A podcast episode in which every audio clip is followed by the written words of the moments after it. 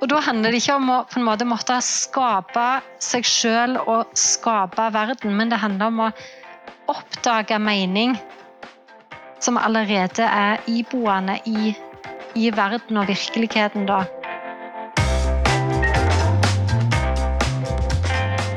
I dagens podkast skal vi snakke om kjønn, og hvordan vi forstår kjønn. Det er jo et brennbart tema. Det snakkes mye og ganske høyt om i dag, og vi skal prøve å ta en prat om det her med innestemme. Som gjest har jeg med meg Marianne Brattgjerd. Hun er førsteamanuensis i sykepleie på Nord universitet. Og Marianne er også nestleder i Genid, som er en pårørendeorganisasjon for kjønnsinkongruente barn og ungdom. Hun har sjøl nær kontakt med familier og ungdom som står i vanskelige, livsendrende situasjoner. Hun er vårt førstevalg til å være gjest når dette er tema, fordi hun forstår at dette handler både om store ideer og sårbare mennesker og familier.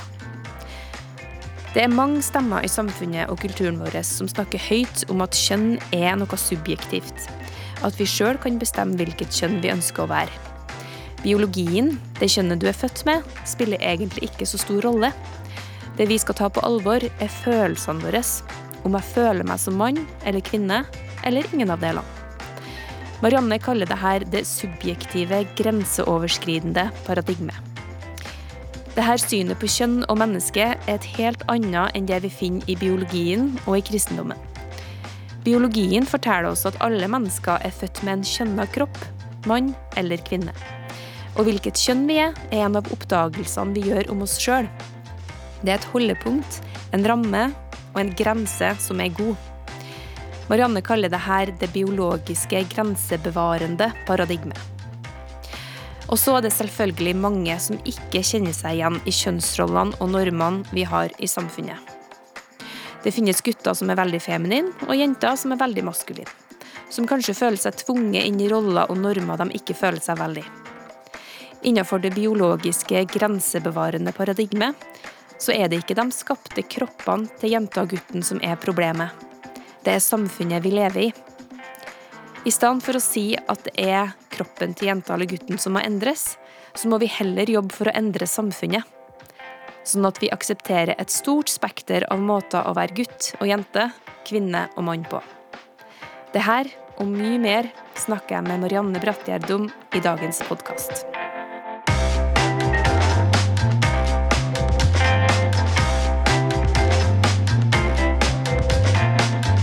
Og til å snakke om det her, så har vi med oss eh, Marianne Brattgjerd. Og eh, Marianne, hvem er du? Ja, eh, Marianne Brattgjerd, ja. Jeg er opprinnelig fra Rogaland, fra Jæren. Eh, men vi flytta til Namsos i 2010. Og så er jeg gift med Andreas, og så har vi tre unger som er nå i tenåra. De er 14, 16 og 18 år.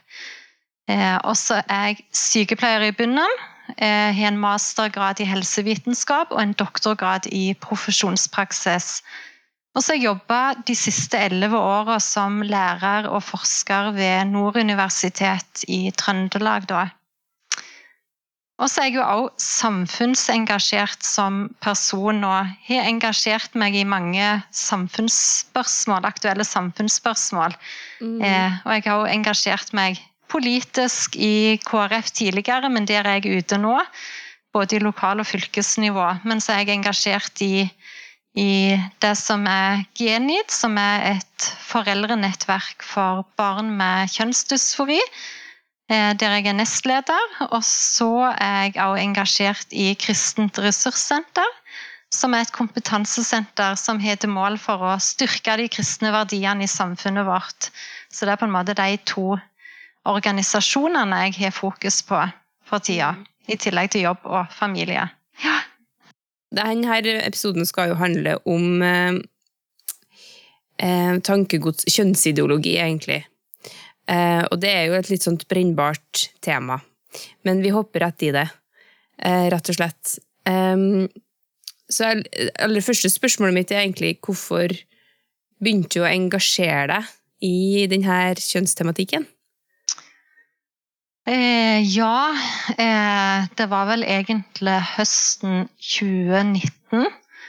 eh, som var på en måte et litt sånn vendepunkt i livet mitt, der jeg på en måte skjønte at dette her er noe vi må snakke mer om i samfunnet vårt. Eh, og det var rett og slett et eh, storforeldremøte i kommunen vår.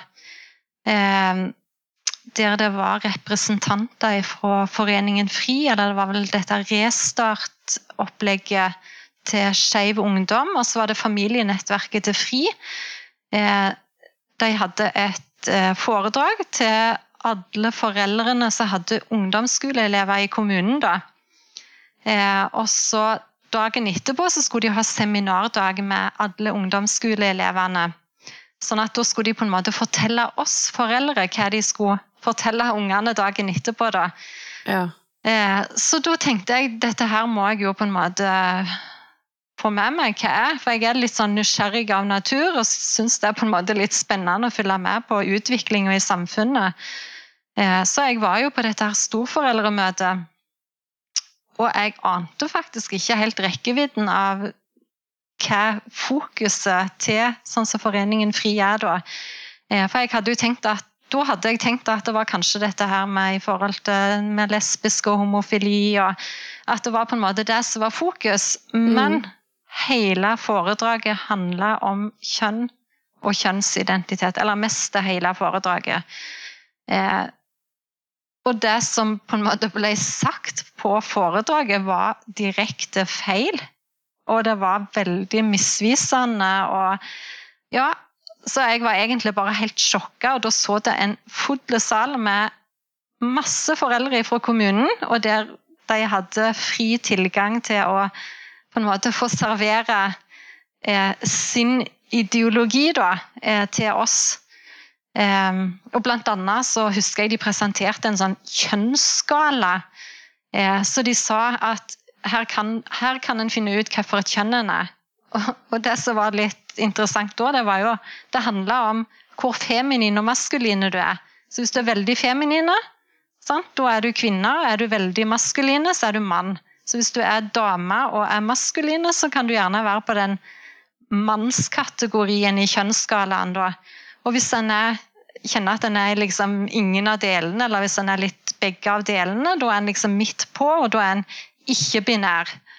Eh, og så sa de òg, og det som var mest alvorlig, det var jo at de sa så kommer f.eks. sjuåringen din hjem og forteller Gutten din på sju år kommer hjem og forteller at eh, Nei, mamma, jeg er ikke lenger en gutt, jeg er jente. Så sa de at da er det ikke ungen din som er forvirra, og at grunnen til at vi kan reagere som foreldre, det handler om at det forstyrrer oss.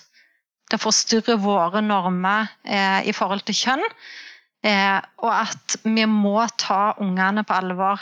Og så sa de òg faktisk at hvis vi ikke tar ungene på alvor, eh, så viser undersøkelser at de vil ta livet sitt, de vil ta selvmord. Og da viste de bl.a. Jeg tror det var en undersøkelse fra Agder-miljøet, og vi kjenner jo godt til hvem jeg sier der. Eh, og det var jo en undersøkelse som ikke var publisert engang. og Da sa de at det var en selvmordsrate på 29 tror jeg det var, hvis, hvis en ikke tar ungene på alvor. Eh, og så sa de òg at eh, hjernen er sjefen. De hadde en powerpoint, og der sto det 'hjernen er sjefen', og at kjønnsbekreftende behandling, altså behandling med pubertetsblokker, hormoner, kirurgi, det har dokumentert effekt. og Da kan på en måte ungene få lov å erfare sitt autentiske jeg når de ser at kroppen ligner på det kjønnet som de intenst ønsker at de skal være. Så når jeg så og hørte på dette her, så jeg, jeg var jo helt sånn sjokka og tenkte er det ingen som reagerer? Og foreldrene så jo og klappa i salen og tenkte sikkert at dette her var helt fantastisk. Og jeg var kjempeurolig. Jeg syntes det, det, var skikkelig ubehagelig. og Jeg tenkte dette her og jeg, jeg hadde jo en del, ikke kjempemye kunnskap, men jeg visste jo litt. Og jeg skjønte jo at dette her henger jo ikke på greip. Eh, så etter det så opplevde jeg vel egentlig et slags på en måte kall til å på en måte gå ut og si sannheten og, og på en måte vitne om det som er sant og rett.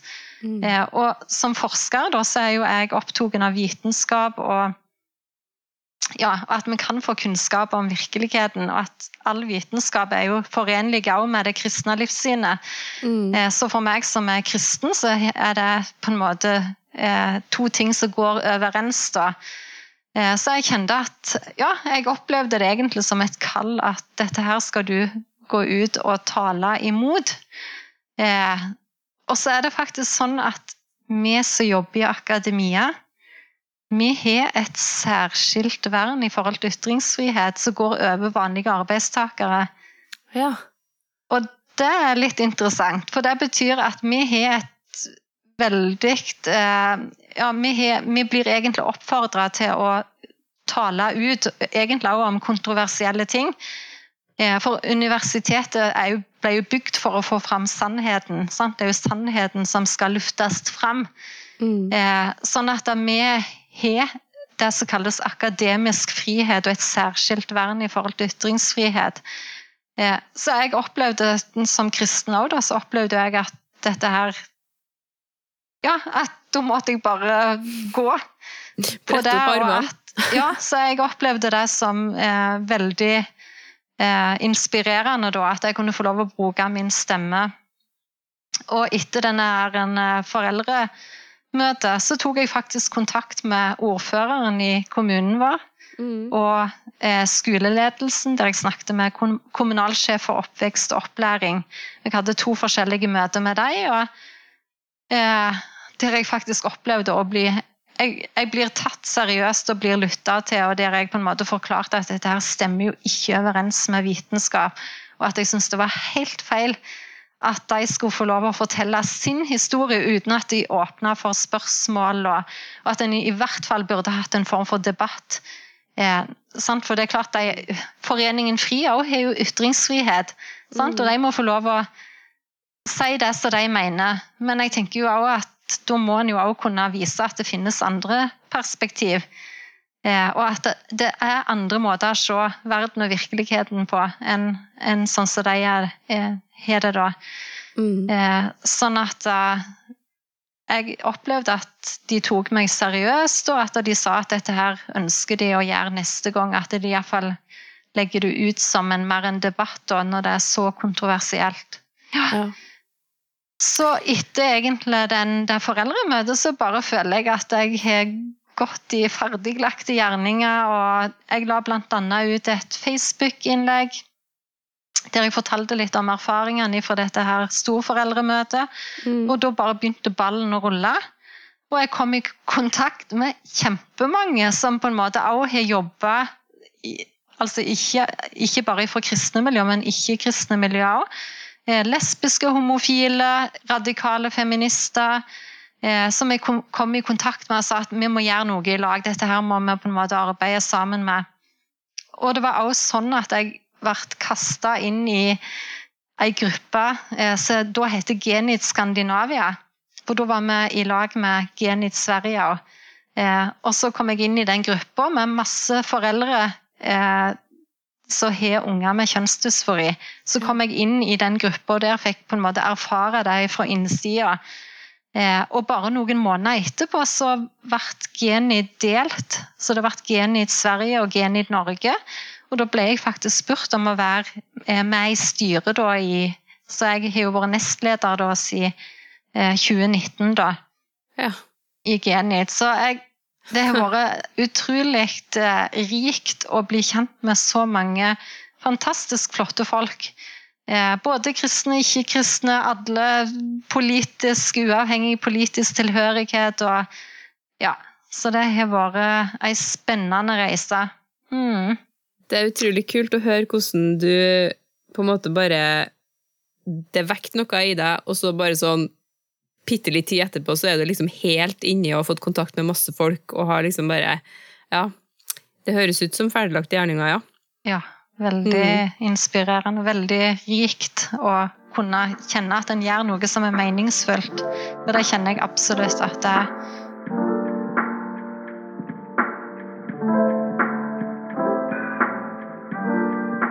Vi skal snakke litt mer om måte, dine erfaringer med, med familier og barn eh, med kjønnsdysfori senere. Men aller først, hva, hva, er egentlig kjønnsdysfori eller kjønnsinkongruens? Er det det samme, på en måte? Er det to ord, vanskelige ord som betyr det samme? Ja, det var et godt spørsmål. Eh, altså, kjønnsdysfori og kjønnsinkongruens er to litt forskjellige medisinske diagnoser. Eh, det som vi kaller kjønnsinkongruens, da refererer det til den uoverensstemmelsen mellom opplevd kjønn, altså kjønnsidentitet, og det biologiske kjønnet. Så det er selve den, at det er en uoverensstemmelse der. Eh, og når det gjelder kjønnsdysfori, så refererer den til den subjektive smerten eller ubehaget som disse personene kan ha av kjønnsinkongruensen, altså av eh, uoverensstemmelsen. Eh, sånn at det er to litt forskjellige diagnoser. Og det som er litt interessant, det var at tidligere så var dette som går på kjønnsidentitetsforstyrrelser, det ble regna som psykiatriske diagnoser. Eh, og disse diagnosene lå i altså WHO sin diagnosemanual så lå de under kapitlet som går på eh, psykisk helse. Men jeg lurer på om det var i 2018 så ble faktisk disse diagnosene flytta til kapitlet om seksuell helse eh, i det som vi kaller ICD-11, eh, som er den diagnosemanualen. Og det ble gjort egentlig på bakgrunn av aktivister som sa at vi vil ikke ha altså det å ha forstyrrelser i forhold til kjønnsidentitet er ikke en psykisk sykdom, sier de. Og at det er en frisk, normal variasjon av på en måte kjønn. Mm. Sånn at de vil egentlig ikke ha at det, er, det har noe sammenblanding med eh, psykiske lidelser. Da. Og det har jo vært litt omdiskutert, for det er sånn som to tredeler av de som henvises til Rikshospitalet, har jo en samsykelighet. Da. Og der det, psykiske utfordringer er jo en del av bildet, eller kompleksiteten, da. Ja. Sånn at det er mange som er veldig uenige i i den beslutninga. Og det gjør jo òg at det er sånn som private klinikker som sier at vi, vi trenger ikke utrede det psykiske, vi bare kjører på med behandling. For dette er ikke en psykisk lidelse. Eh, og det er jo kjempefarlig når det er spesielt unge ja. eh, som har en kompleksitet. Eh, og hvis en ikke skal på en måte utrede hele mennesket, så blir det jo uforsvarlig, da, tenker jeg. Absolutt jeg har lest en plass at det ja, sånn som du sier, at veldig mange som opplever kjønnsinkongruens, da, har andre psykiske utfordringer. Ja, det er veldig vanlig. Og jeg kan jo bare si i Genid Altså, vi er ikke så mange medlemmer i Genid Norge som de er i Sverige. Eh, for de har jo egentlig kommet lenger, så der er det nok enda mer som er ramma. Men av den foreldregruppa vi har, så er faktisk alle ungene har en eller annen form for psykisk tilleggsdiagnose, enten autisme, ADHD, selvskading, spiseforstyrrelse. Autisme er også veldig vanlig. Ja. Ja. Um, så er det jo på en måte en uh, grunn til at det her har på en måte blomstra opp og, fått så mye plass, og, og, vi, og vi vet mye mer om kjønnsinkongruens og dysfori, og det er jo på grunnlag av en kjønnsideologi som har på en måte fått mye plass i media og i offentligheten. Um, kan du si litt om hva kjønnsideologi er?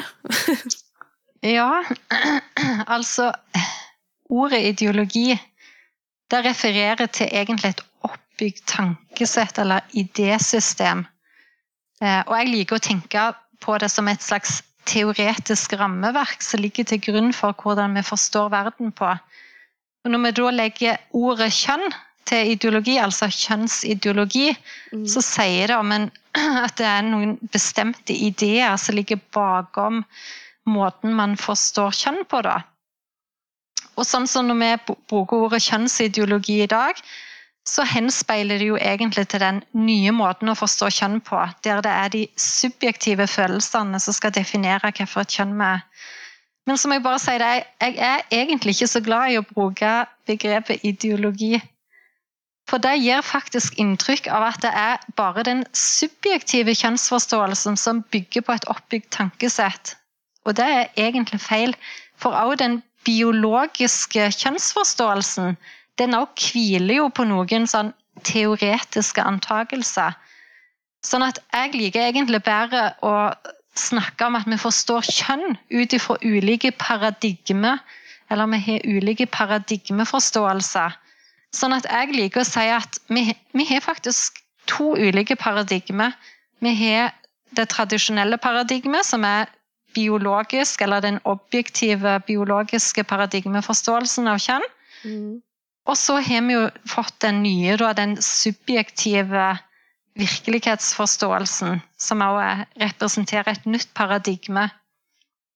Eh, så jeg tenker at spørsmålet vi må heller stille oss, det er hvilket av disse to paradigmene bygger egentlig på et helsefremmende tankesett, der barn og unge faktisk kan få lov å blomstre og få lov å kjenne at det er godt å leve som menneske, og at de kan få lov å blomstre til å bli harmoniske voksne. Eh, og det er en, en inngangsport til å på en måte forstå at her er det to ulike måter å forstå kjønn på. Og så er det ikke sånn egentlig at det er bare den subjektive eh, kjønnsforståelsen som hviler på noen ideer. Også den biologiske gjør det. Så sånn sett så stiller de likt. Ja. Men ideer er ikke likeverdige. Sånn at det er noen ideer som ikke er like gode, og noen er gode og noen er dårlige. Så da må en jo spørre seg ja, hva er konsekvensene av dette paradigmet som vi står i nå? Denne måten å forstå kjønn på. Det er jo sånn vi må på en måte Ja, at vi kan møte andre med bare for å Ja, at en skjønner eh, at det ligger noen ideer til grunn for hvordan vi forstår kjønn på. Ja. Mm. Vi skal snakke litt mer om de ideene men hva, sånn, hva er Hva er det, det hva du kalte det, det um, tradisjonelle kjønnsparadigmet? Ja, ja. biologisk Biologiske. paradigme. Ja. Er, jeg, jeg er det, da? Kalle, ja, jeg liker å kalle det et sånn grensebevarende paradigme, men det er noe jeg har funnet Fint på sjøl. Ja. Og så pleier jeg å si at det subjektive paradigmeforståelsen den er grenseoverskridende. Ah. Så det er på en måte to ulike tilnærminger å forstå kjønn på. Eh, og jeg tenker at det er en veldig fin inngangsport til å på en måte ja, tenke igjennom er det hvorfor noen av disse forståelsene er gode for oss mennesker. Hva er det som er godt, rett og slett? Ja. Og som gjør at vi kan blomstre. For jeg tenker vi kommer til denne verden, og tanken er jo at vi skal ha det godt her i livet. Og at vi skal få lov å kjenne at det er godt å leve, og at vi er på en måte fornøyd med livet vårt og fornøyd med kroppene våre, og at det er på en måte en harmoni. Mm. Eh, og det tror jeg ikke Den harmonien eh, får en ikke i det paradigmet vi er i nå, det subjektive. Og det er grenseoverskridende, og det er egentlig veldig forvirrende. Enn til jeg blir forvirra av språket som brukes der, og det er kjempeforvirrende for unger òg. Ja. Eh, jeg har jo en datter på tre og et halvt år som er veldig opptatt av at du snakker ofte om at hun er jente og jeg er dame og pappa er mann, og liksom hun har behov for å på en måte skille og få bekrefta, da, på en måte. Mm. Det. Jeg syns jo det er kjempeinteressant, for det ja. viser bare at NET unger er i stand til å forstå hva en objektiv virkelighet er. Ja, og tenk deg da, hvis jeg skulle ha begynt å sagt nei, det er ikke sikkert at du er jente, det kan hende at du er noe annet. Ja. Det, altså, det er jo vil jeg si på grensa til skad... Eller det er jo det er skadelig. Det kan ja, ikke være bra. Ja. Og det er jo akkurat liksom at en skulle ha sagt til en unge liksom, ja, ja, kanskje du kan eh, det, altså, Du er jo et menneske, men kanskje du kan gå på taket, og kanskje du kan fly. Sant? For det, det, det overskrider egentlig grensene for hvordan vi er bygd opp som mennesker. Mm. Eh, og jeg tenker at det er egentlig veldig dehumaniserende menneskesyn, det som vi ser nå. Eh, for at det, er, det, handler egentlig om å springe alle grenser. Eh, Og jeg tenker at målet, målet vårt må jo være å skape harmoniske barn som på en måte er trygge på kroppen sin og trygge på identiteten, og at det er på en måte harmoni mellom, mellom disse her to delene. da. Mm. Mm. Og da kan en ikke sprenge grensene. Da må en på en måte bygge på de iboende potensialene og ressursene som er i mennesket. En kan ikke bare tenke at en sprenger alle eh, grenser.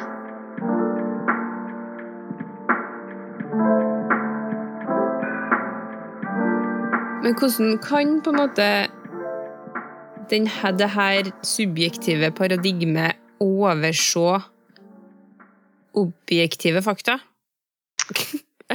For det ja. er jo det er jo en guttetiss og en jentetiss, liksom.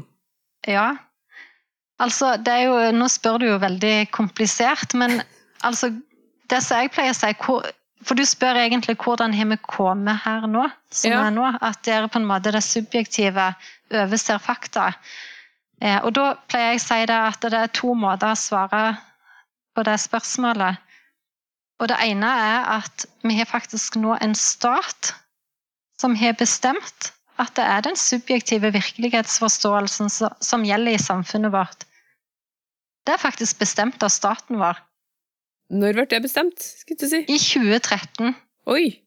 Ja, og da kom det en ny diskrimineringslov. Og det er den første loven som stadfester den subjektive virkelighetsforståelsen av kjønn.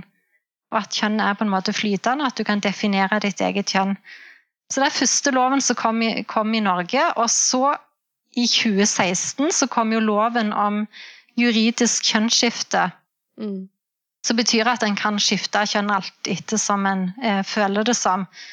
Og det er det faktisk den mest radikale lovgivningen i verden. Så Norge er det eneste landet hvor det ikke kreves noe medisinsk eller psykologisk eh, vurdering for å endre kjønn. Eh, sånn at eh, du kan ha utstyret i behold og bare finne ut i dag har jeg lyst til å skifte kjønn, og så bare klikk har du fra mann til dame. Så et tastetrykk er nok for å skifte kjønn. Er det eneste og, landet i verden? Ja, så har altså, det eneste landet i verden som ikke har den medisinske eller psykologiske vurderinga for å endre kjønn, så kan bare gå inn og Så det er faktisk lettere å skifte kjønn enn sitt eget etternavn. ja, så det sier jo litt, da. Og så kan faktisk unger helt ned til seksårsalderen endre sitt juridiske kjønn med samtykke fra en av foreldrene. Oi.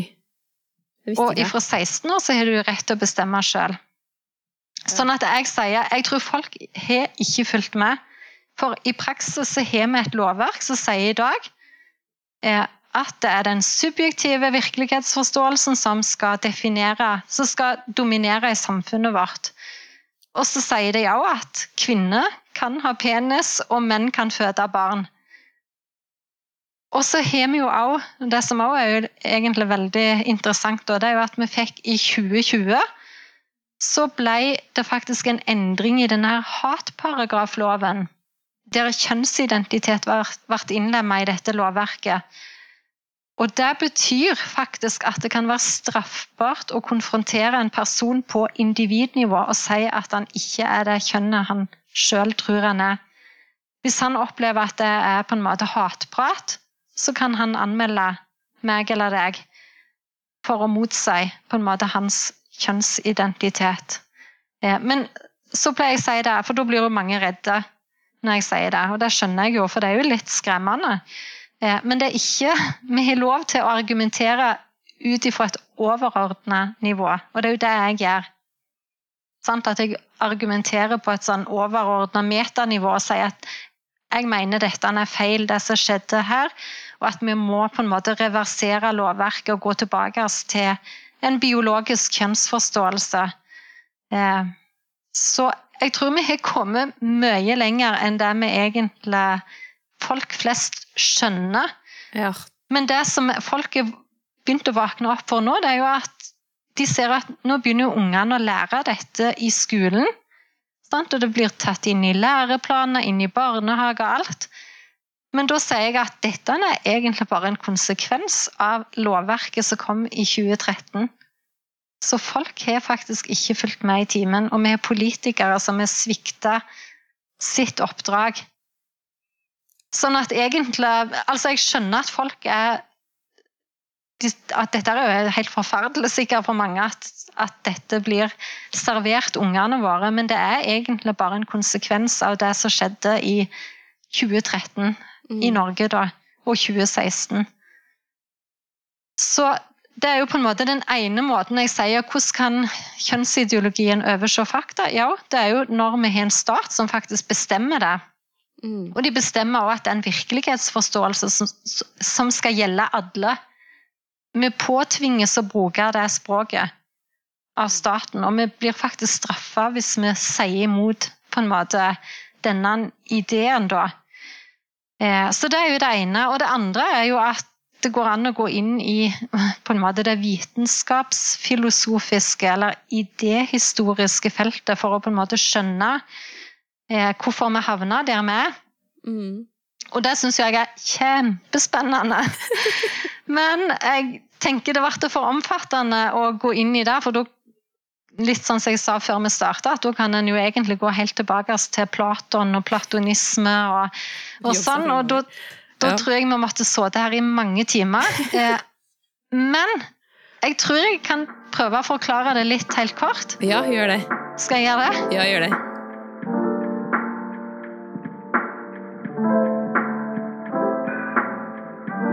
Og da er det tre begrep som er viktig å kunne noe om. Og det jeg kaller det ontologi, epistemologi og antropologi. Og ontologi det betyr egentlig altså læren om det som eksisterer. Hva er det som eksisterer i virkeligheten? Og epistemologi det handler om hvordan kan vi få kunnskap om verden og virkeligheten. Og antropologi det handler om menneskesyn. Ja. Hva betyr det å være menneske? Mm. Og dette er en paradigme som vi har nå, når det gjelder ontologi, så tenker en at alt som eksisterer, det har kommet til med en tilfeldighet. Og en avviser at det finnes noe overordna guddom som har skapt verden, og hvor det heller ikke er noe sånn overordna hensikt med det skapte. Og Det betyr òg at en avviser at det finnes noe iboende mening med det skapte. Eh, altså at det, det, betyr ikke noe på en måte, ja, det, det finnes ikke noe iboende mening. Og hvis en følger dette tankesettet egentlig til sine logiske konklusjoner, eh, så vil en se at ja, men da er det jo ikke noe forskjell på det å være et tre, et menneske, et dyr osv. Når det ikke er noe iboende mening. Da er alt på en måte relativt. Mm. Så det var ontologi. Og så er det epistemologi, som var hvordan vi kan få kunnskap om verden. Eh, og det som jeg pleier å si det nå, for innen eh, I samfunnet vårt nå så har vi en idé om at vi ikke kan få kunnskap om en objektiv verden eller virkelighet. Eh, og at vi ikke har tilgang til virkeligheten. Og at vi er på en måte fanga i vår egen bevissthet. Eh, og jeg pleier å si at en, innen akademia så tenker en at det er en vegg mellom den objektive verden og den subjektive verden. Det er liksom en vegg, og vi klarer ikke å krype over, for det er stengt på en måte. Mm. Eh, så vi er på en måte fanga i vår egen bevissthet. Og det, jo, det, betyr jo hvis vi skal forske eh, og få kunnskap om verden, så er det jo egentlig det subjektive som må bestemme. Sånn? Vi bestemmer med tankene våre og gir mening eh, til virkeligheten der ute. Eh, sånn at det viser jo egentlig eh, ja, at har eh, det subjektive på en måte har forrang. Og så sa jeg det et siste med antropologi, som var menneskesyn. Mm. Og basert på det jeg har sagt nå, så forstår en at menneskesynet det bygger på det vi kaller for dualisme. Og Det betyr egentlig at det er et skarpt skille mellom det subjektive, altså eh, bevisstheten vår, og det objektive. Og det er en separasjon. Eh, og hvor det eh, subjektive eller bevisstheten har dominans over det objektive, det kroppslige. Eh, og det betyr faktisk at det er vi mennesker som må gi mening til livet og virkeligheten. Vi må skape oss sjøl. Og da gir det mening å forstå at vi kommer der som vi kommer, med at vi kan velge vårt eget kjønn og bestemme vårt eget kjønn ut ifra den vi autentisk føler at vi er. Og det jeg pleier å si, når du får den dualismen eller separasjonen, det, er, det fører egentlig til en sånn ekstreme objektivisering av kroppen. Mm. Du ser egentlig på kroppen som en ting. Ja. Og som, det blir på en måte fremmedgjort, og at vi distanserer oss fra det kroppslige eh, i stedet for å se det som en sånn integrert eh, helhet. Ja. Og det er der jeg sier at nå begynner vi å komme inn på mange av fellestrekkene. F.eks. med spiseforstyrrelser. Sant? For det er, jeg pleier å si vi har et sykt menneskesyn. Og jeg sier at ungene er ikke skyld i dette. her, Det er på en måte samfunnet sitt menneskesyn som er sykt. Eh, og at det er ekstremt individualistisk og dehumaniserende menneskesyn. Og at en egentlig gir et ansvar til mennesket som det aldri var tenkt at det skulle bære. Ja. Og det er, det er egentlig helt sprøtt. Ja. At på en måte en, en, tillegger dette ansvaret til små barn til å på en måte skape seg sjøl og definere seg sjøl. Ja. Og jeg tenker at det er jo et Fytti for et ansvar. Jeg er glad ikke jeg vokste opp i det samfunnssynet. Det er bare at jeg tenker at det er jo for det første et helt ekstremt ansvar, som du sier, å skulle liksom skape sin egen mening med livet. Ja. Hver, hver, enkelt har ansvar for sin egen mening med livet. Altså, det er jo ikke rart at det skaper dårlig psykisk helse, på en måte. Men, og en annen ting er jo at en, et barn skal på en måte få, få Et barn som har en hjerne som ikke er ferdig utvikla. Altså, hjernen, så vidt jeg har lest meg fram til, er ikke ferdig utvikla, i hvert fall ikke før man er oppe i 20-årene, liksom. Nei. Så at man skal kunne ta avgjørelser, så radikale avgjørelser om egen kropp når man er et barn, før man har liksom gått gjennom alle utviklingsstadiene og blitt en voksen person, det er, det er meg helt Det skjønner ikke jeg. Nei. Ja, det er veldig rart. Og det er litt av det samfunnssynet vi har nå. Eh, og blant annet det at på en måte en skal At barn blir sett på som voksne, at de er i stand til å ta avgjørelser og samtykke til egen helsehjelp. Da. Og det er sånn som du sier, egentlig at eh, de er jo ikke i stand til det. For hjernen er jo ikke utvikla før i midten av 20-åra, faktisk, i forhold til konsekvenstenkning og Så det er Men ja. jeg har òg lest at, at hvis man får Hvis man ikke begynner på kjønns hva heter det for noe, kjønnsbekreftende behandling. Ja. Altså Hvis man ikke begynner på medisiner og sånn, men hvis man heller på en måte står i det, skal vi si, mm.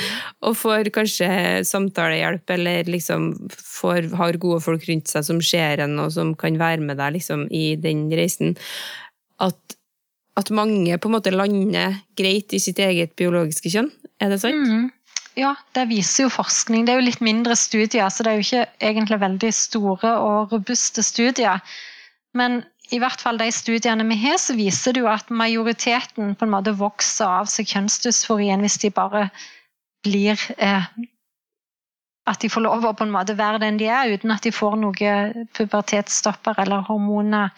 Så er det noe de vokser av seg. Og det tenker jeg jo er kjempeviktig, og at en eh, ja, det er noe en må ta utgangspunkt i i møte med unger. Da. Og det kaller jeg for, Innen behandlinga kaller en det for watchful wait. Ja. At en venter på en måte og ser det an. Ja. Mm. Og så har jeg lest litt om at det har liksom blitt en ganske stor økning i unge mennesker som søker hjelp for kjønnsinkongruens og dysfori. Eh, er det riktig, og i så fall hvorfor har det blitt sånn? Jo, eh, det stemmer det. Eh, I Norge så har vel antall henvisninger for de som skifter kjønn Jeg tror det har 20-dobla seg, hvis jeg ikke tar helt feil, på ti år. Eh, Så det har vært en veldig stor utvikling.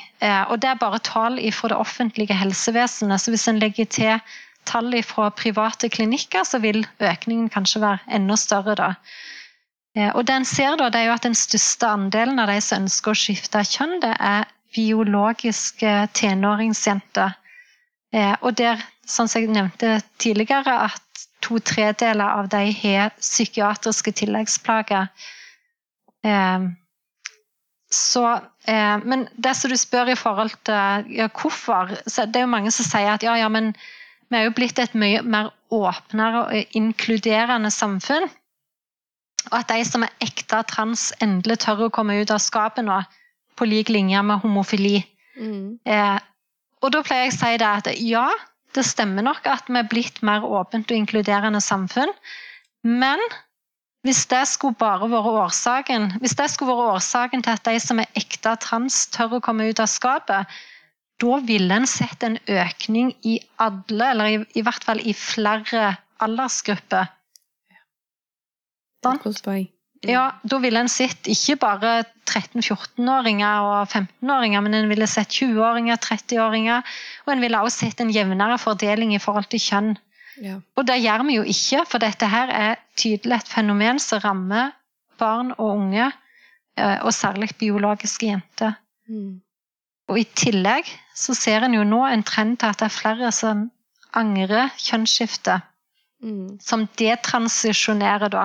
Mm. Det er jo flere som kommer ut i, sant, på sosiale medier og sier at dette her var et valg de ikke skjønte konsekvensene av. Eh, sånn at jeg pleier å si det at vi har all grunn til å si at dette her kan ikke være et naturlig fenomen. Eh, for da ville en sett det i alle aldersgrupper, og så ville en ikke sett den at så mange kom og angra da. Mm. Så ja. Men ja. Det som er litt interessant, og det er jo En kan jo spørre hva, hva kan være årsaken til denne utviklinga. ja. Eh, og der pleier jeg, når jeg får det spørsmålet, så pleier jeg å si det at det vet vi faktisk ikke, og at det handler om at vi mangler vitenskapelig evidens. Eh, for vi har, dette har skjedd så fort, og det har vært så eksplosiv økning, at vi har egentlig ikke kunnskap nok om årsaker til denne her eh, utviklinga. Eh, men så pleier jeg å si at det er mye som peker i retning, for dem jeg ikke vet det, sant, forskningsmessig, men så er det mye som peker i retning av at det er et sosialt smittefenomen. ja. Og da pleier jeg å si det at det er jo bare til å tenke tilbake altså når en sjøl var unge. eh, og sant, For ideer smitter jo, og unger er veldig påvirkbare. Eh, og det ser en jo blant annet Vi har evidens som sier at selvskading, selvmord eh, og spiseforstyrrelser er smittsomme fenomen. Mm. Sånn at da tenker jeg da er det jo ikke utenkelig at denne her økningen kan være relatert til det, det vi kaller sosial smitte. Mm. Og så er det jo spesielt sårbare barn som på en måte blir fortalt at ja, men det er jo bare opp til deg sjøl å velge ditt eget kjønn. Mm. Sant? Og at de kanskje vil innrette seg imot en annen kjønnsidentitet. Også.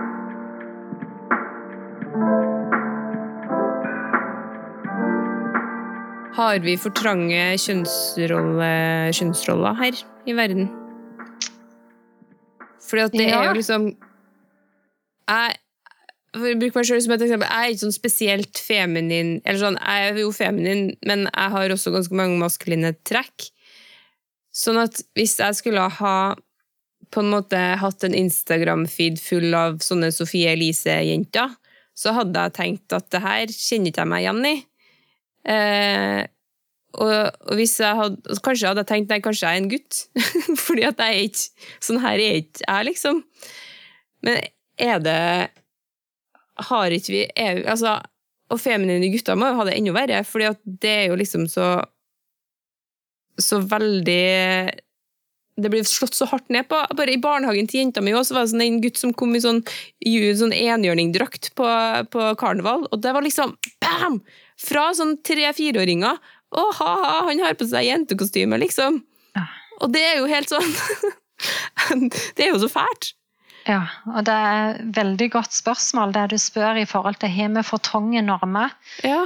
Eh, og det jeg pleier egentlig å si da, det er at Eller det er så viktig å forstå. For mange sier jo at ja, men kjønnsidentitet, da er du fri. Liksom. Du kan få lov å velge ditt eget kjønn. Du kan få lov å på en måte bestemme helt sjøl. Men da pleier jeg å si det at kjønnsidentitet, eller den opplevelsen en har av seg sjøl, den opererer ikke i et vakuum.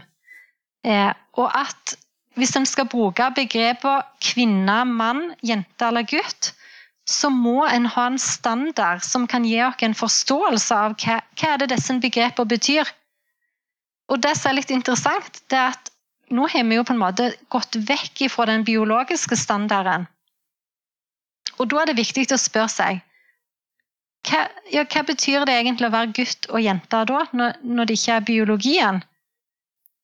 Og det som egentlig det viser, det var jo egentlig det du sa nå, det er jo at det er de sosiale normene som faktisk definerer hvilket kjønn vi er.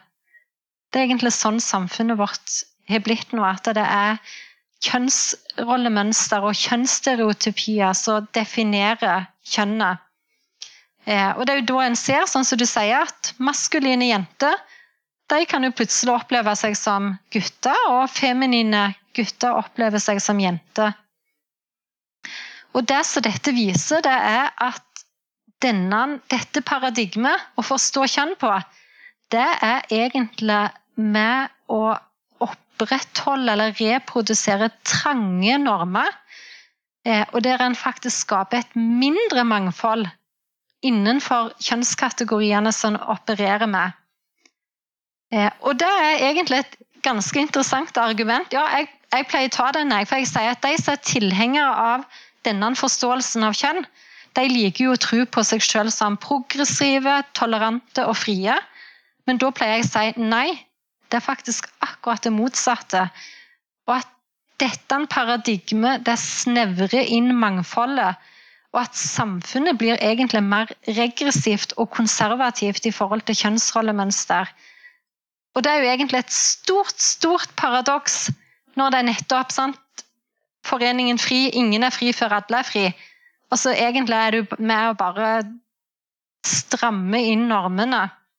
Det her, det her, er sånt som jeg egentlig nesten jeg må høre, Det her må jeg høre igjen, og så må jeg skjønne det. på en måte. ja, det er litt komplisert, men det er så viktig å se at hvor egentlig dehumaniserende dette paradigmet er. Ja. Og jeg tror ikke de sjøl skjønner det, de som er tilhengere av, av, denne forståelsen av kjønn. Og det som jeg pleier å si, da, det er at de biologiske kjønnskategoriene de er faktisk mye rausere i forhold til mangfold enn det er våre subjektive opplevelser. Og at biologisk kjønn de diskriminerer ingen. Eh, og det handler jo om at de biologiske kjønnskategoriene de baserer seg jo på noe som er objektivt, mm. materielt. Det står fast. Og det forandrer seg ikke selv om våre følelser endrer seg. Eh, og faktisk er de ganske likegyldige til våre følelser. Og det tenker jeg, det er jo nettopp frigjørende. Ja. Og at vi kan få lov til å være akkurat den vi vil. Vi kan få lov til å kle oss og leke med de legene vi vil, uten at kjønnskategoriene diskriminerer eller skaper noen form for utenforskap.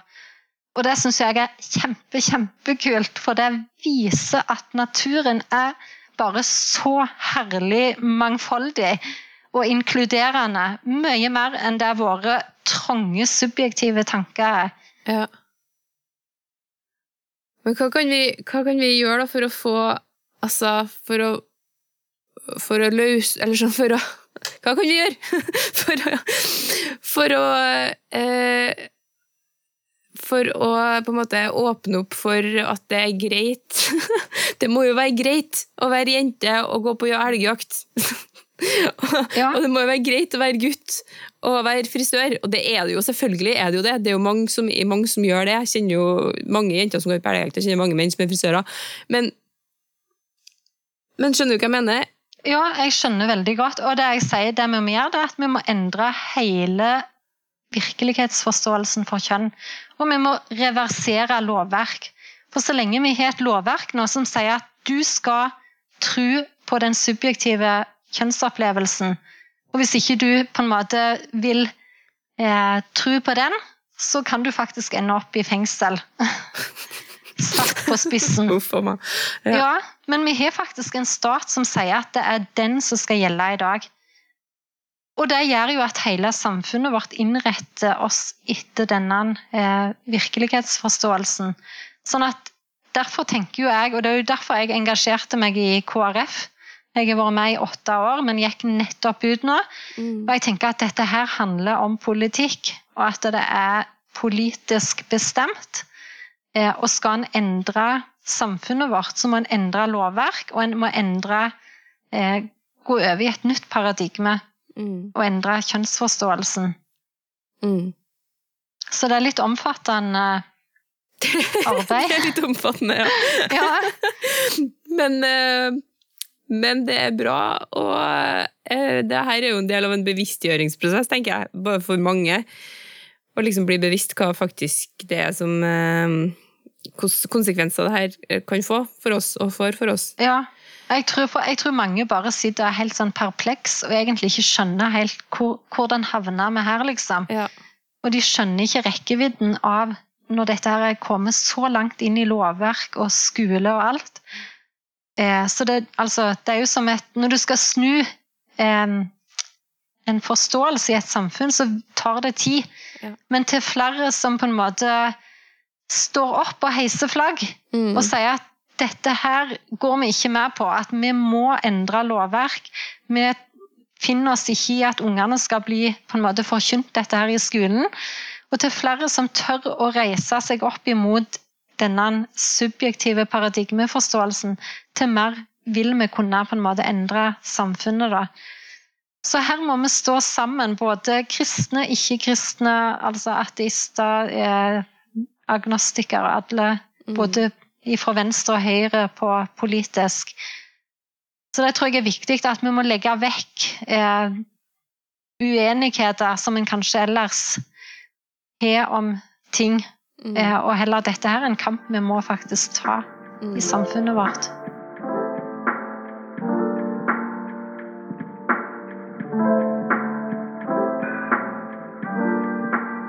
Vi skal bare gå litt tilbake til Genid. Um, og organisasjonen som du er nestleder for, som er en organisasjon for foreldre og pårørende til barn med kjønnsinkongruens. Og kunne jeg bare sagt litt kort om hva du opplever liksom, For du får vel sikkert ganske tett kontakt med, med, med folk som står i det her? Kan du bare si Ja. litt om hvordan du opplever det? Hvordan har folk det?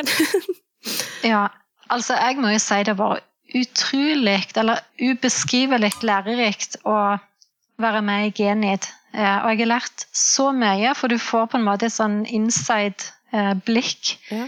Når du på en måte ser den kampen som foreldrene opplever da, både med sitt eget barn, men også den kampen de kanskje opplever i møte med helsevesen, skolesystem osv. Eh, og som nestleder så har jeg ansvar for å på en måte ta en telefonsamtale. Når, det, når vi får nye medlemmer, så gjennomfører jeg en samtale med alle nye medlemmer. da. Og da får jeg på en måte et innblikk i historie, og det, er, det har hjulpet meg veldig mye. Egentlig gjort meg ydmyk. Eh, og jeg tenker at dette er en ideologi eller paradigme som er der ungene er på en måte offeret. Mm. De er offer for dette tankesettet. Og det er egentlig voksne som er svikta. Eh, sånn at det har gjort meg veldig sånn ydmyk, og jeg kjenner at jeg kan reagere av og til på at det blir veldig sånn aggressivt. Nå er det jo Det, det blir veldig polarisert. Mm. Eh, men jeg tror ikke den rette løsningen er liksom bare å være aggressive tilbake. Altså her må en tenke at her er det så mange sårbare mennesker som er blitt offer for et tankesett. Der det på en måte der en tenker løgntanker om seg sjøl. Mm. Eh, sånn at for meg har det vært ubeskrivelig lærerikt å på en måte bli kjent med disse familiene. Eh, og se den kampen eh, de står i. Eh, og så spesielt kanskje For jeg har aldri tenkt over Vi har jo helserettslig myndighetsalder i Norge. Den er jo 16 år. Mm. Og det har jeg egentlig aldri reflektert over før jeg på en måte kom inn i Genit. For jeg har på en måte tenkt ja, ja, når de er 16 år, da kan du jo på en måte bestemme litt sjøl. Men det er da jeg ser at innenfor denne tematikken sant, så kan jo ungene skifte juridisk kjønn når de er 16 år. Eh, og i praksis så kan de òg få hormoner uten foreldrene sitt samtykke ifra de er 16 år. Ja. Og det er jo bare kjempetragisk, for de er jo ikke modne. Nei. Så jeg tenker det er jo viktig å på en måte skjerme ungene, og at en har den watchful wait, og at en har den forsiktige eh, behandlingstilnærminga. Eh, sånn at en kan på en måte møte ungene på en god, må god måte. Mm. Mm. Er det stort Ja. sett foreldre med barn som ønsker å, å, å vente og se hvordan det går, på en måte? Ja. Ja, det, altså de som er med i for, altså Genit står jo for Gender Identity Challenge. Sånn at, eh, og det, det snakker vi jo om når vi tar inn medlemmene våre. Så vi er jo generelt kritiske til all behandling til mindreårige. Mm. Eh, men vi har faktisk unger som går på behandling i Genid. Men da er det jo uten foreldrene sitt samtykke, da. Ja. Sånn at foreldrene har jo kanskje ikke vært enige i at ungene har gått den veien som de har gått, men der de ønsker selvfølgelig å bevare en god relasjon. Mm. Eh, sånn at da, mye av fokuset er jo på å bevare den relasjonen, da. Eh, for det har vært ofte veldig Det er kanskje mye konflikter og sånn, og ja, utfordringer i forhold til det psykiske og sosiale og Mm. Eh, ja, så en får på en måte et innblikk i hvordan det kan være. Og vi har jo foreldre som faktisk har opplevd å Der barnevernet har blitt involvert, Oi. og ungene er blitt fjerna fra heimen. For at foreldrene ikke støtter ungen. Er det sant? Ja. Og det har ikke vært andre, andre liksom årsaker? Nei, altså vi, vi kjenner jo egentlig ikke familiene sånn. Så det er klart det kan jo være andre ting også som har vært inne i bildet som ikke vi kjenner til, men likevel er det jo eh, alvorlig, da. Mm. At de møter på den motstanden blant helsevesen og ja, skole. Mm. Så vi har jo blant annet en ei jente som var det noen år siden nå, men hun identifiserte, eller identifiserer seg som gutt, og der foreldrene sa at eh, de på en måte ikke gikk med på å skifte navn og sånn, og sa at hun måtte vente. Og så oppdaget jo foreldrene da at vennene, venninnene, omtalte jo henne med det guttenavnet. Og så kom de på skolen, og da oppdaget de også at lærerne gjorde det mot på en måte foreldrene sin vilje, da. Mm. Sånn at det er jo også et på en måte, eksempel på hvordan en kan møte motstand. Mm. Men heldigvis endte den godt, for de hadde jo en dialog med skolen der og sa at de ønsket ikke at de brukte et annet navn på jenta. Og at der måtte hun iallfall vente meg til hun var så gammel hun kunne bestemme sjøl. Mm. Så da gikk skolen tilbake og på en måte brukte det gamle navnet. Mm. Mm. Hvordan, men hvordan, hvordan kan vi møte mennesker som har de her utfordringene på en, på en god måte? Ja, altså da tenker jeg først og fremst så handler det jo om å være lyttende, og at en lytter til historier.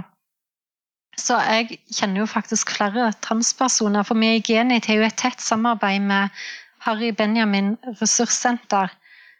Eh, og de som sitter i styret, er jo alle transpersoner. Ja.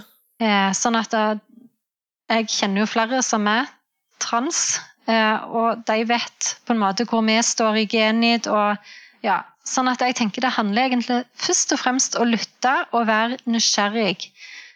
Eh, og så pleier jeg å si det at det er kjempeviktig å anerkjenne at kjønnsinkongruens og kjønnsdysfori, det eksisterer. Mm. Det er reelt. Mm. For det er jo det mange føler, at når vi kritiserer dem, så sier de at dere mener vi ikke eksisterer. Mm. Men da pleier jeg å si hallo, klart det. Du eksisterer jo helt på like linje som meg og alle andre. Mm. Sant? Og at du, har, du opplever en uoverensstemmelse. Sant? At det er en helt forstyrra bilde i forhold til sitt eget kjønn. da. Ja, Så det jeg pleier å si det er viktig å skille mellom menneskeverd og ideer man har om livet. Mm. For menneskeverdet, det er iboende til alle mennesker. Mm. Uavhengig av hvilket syn man har på verden og livet. Mm. Og derfor er vi som mennesker så er vi likeverdige. Vi er likeverdige. Mm. Men så pleier jeg å si at ikke alle ideer om livet er likeverdige. At noen ideer, sånn som vi ser med denne eh, paradigme, det subjektive paradigmet her, det er, jeg mener jo at det er skadelidende. Mm. At det har dårlige konsekvenser. Og det må vi faktisk snakke om. Mm. Og så tenker jeg òg at vi har en ypperlig anledning til å på en måte fortelle en bedre historie. Eh, og at vi kan jobbe for å få den eh, objektive eller biologiske paradigmeforståelse i samfunnet vårt. Da. Mm. Så vi har på en måte Vi, kan, vi, vi har lov å kritisere, og så har vi lov til å komme med ei anna fortelling som vi kanskje kan gjøre de litt nysgjerrige på. Ja, men hvorfor har jeg på en måte trodd på dette? Mm. Og at kanskje fin, finnes det en annen måte å forstå kjønn på. Mm. Og det er jo det jeg kaller dette her grensebevarende paradigme. Eh, og det bygger egentlig på et aristotelisk tankegods eh, som er helt ifra Aristoteles. Mm. Eh, og det er òg helt i tråd med det kristne livssynet, så det går egentlig hånd i hånd. Og med tanken om at ting har en iboende mening. Ja, Mm. for det første så handler det om at det må ha vært, sånn som Aristoteles han snakker om, det må ha vært en første årsak til alt det skapte. Mm. Og at han sier at ingenting kan ikke skape noe. Og det stemmer jo òg, for det er jo imot fysikken sine lover. Altså, noe, det må ha vært noe som skapte det som vi ser. Og så finnes det iboende mening i alt det skapte. Mm. Og òg at hele verden er på en måte bygd på en rasjonell orden. Mm. Og så pleier jeg å si det at vi er rasjonelle skapninger. Vi er faktisk de eneste skapningene med et rasjonelt intellekt. Mm. Og vi har evne med det rasjonelle intellektet, så har vi evne til å forstå den rasjonelle, ordna verden. Mm. Så vi kan forstå hva som er sant, rett og godt. Eh, og jeg tenker det er jo bare helt nydelig. Mm. Og da handler det ikke om å på en måte måtte skape seg sjøl og skape verden, men det handler om å oppdage mening som allerede er iboende i, i verden og virkeligheten, da. Og så pleier jeg også å si det at vi er både kropp og vi er sjel. Og det er umulig å skille. Hvis du faktisk skiller kropp og sjel, Da er du det er død. det, da er du død. ja. Da tar du livet av et menneske. Mm. Sånn at det er egentlig helt feil det tankesettet de bygger på. Mm. Eh, og jeg tenker at da har vi en bedre fortelling og sier at ja, men det hører jo i lag. Kropp og sjel skal virke sammen i et harmonisk samspill. Men så sier det at det er én ting, og det er jo egentlig en konsekvens av syndefallet. Det sier ikke Aristoteles, men det sier Bibelen, da. Men det som er med, med mennesker, det er jo at vi har evne til å tenke oss til en bedre virkelighet, en bedre verden. Mm. Og hvis det bildet vi har oppi her, er veldig Det er store uoverensstemmelse mellom den virkelige virkeligheten, sant, så blir det jo disharmoni mellom kropp og sjel. Mm. Og jeg tenker at det på en måte eh, viser at ja, vi mennesker vi er tilbøyelige til å få løgntanker i hodet vårt. Eh, men i stedet for å på en måte fylle de tankene, så kan en på en måte si at det fins en bedre vei. Og at en kan bygge mer på en sånn holistisk eh, tilnærming. Der en tenker at en bygger på de iboende potensial og egenskaper som en har. En sprenger ikke grensene for alt som er mulig, og at målet er på en måte å oppnå harmoni og samklang mellom kropp og sjel. Og Det kaller Aristoteles faktisk for eudaimonia, som betyr den høyeste form for lykke. Det er faktisk når det er samklang mellom kropp og sjel.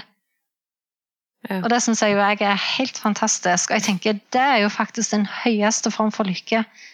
Når vi opplever at vi er i harmoni, Mm. både med oss sjøl, men også i harmoni med andre mennesker, og harmoni, i harmoni med naturen, da.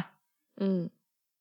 Og så pleier jeg å si det at vi er ikke satt i denne verden alene. Vi er satt her i et fellesskap for å være på en måte bry oss om hverandre. Eh, og det tenker jeg også er viktig i forhold til personer med kjønnsdysfori. At vi bryr oss om disse som sliter med å oppleve en, at de har det vanskelig. Eh, og at vi er satt til å, å vise kjærlighet og omtanke. Mm. Og det er jo et kollektivistisk menneskesyn i motsetning til det individualistiske. Mm. Så vi har en bedre historie å fortelle. Ja. Det er sant. Vi har det. Vi har det. Ja. Vet du, jeg tror vi, jeg tror vi stopper der, altså. Jeg syns det var en bra avslutning. Og så vil jeg bare si tusen hjertelig takk for at du kom og var med på Sendepoden. Det her er kjempeinteressant og um, kontroversielt. Så kanskje får vi liksom ris på rumpa, men det får vi bare stå i. Eh, så tusen takk for at du var med. Takk for at du hørte på Sendepodden. Mer spennende stoff finner du på sennep.net, og du kan også følge oss på Facebook og Instagram. Sendepodden finnes i den podkastappen du bruker, og hør gjerne også på våre to andre podkaster, Alvorspraten og Bibelkvarteret. Sendepodden alt annet enn overfladisk.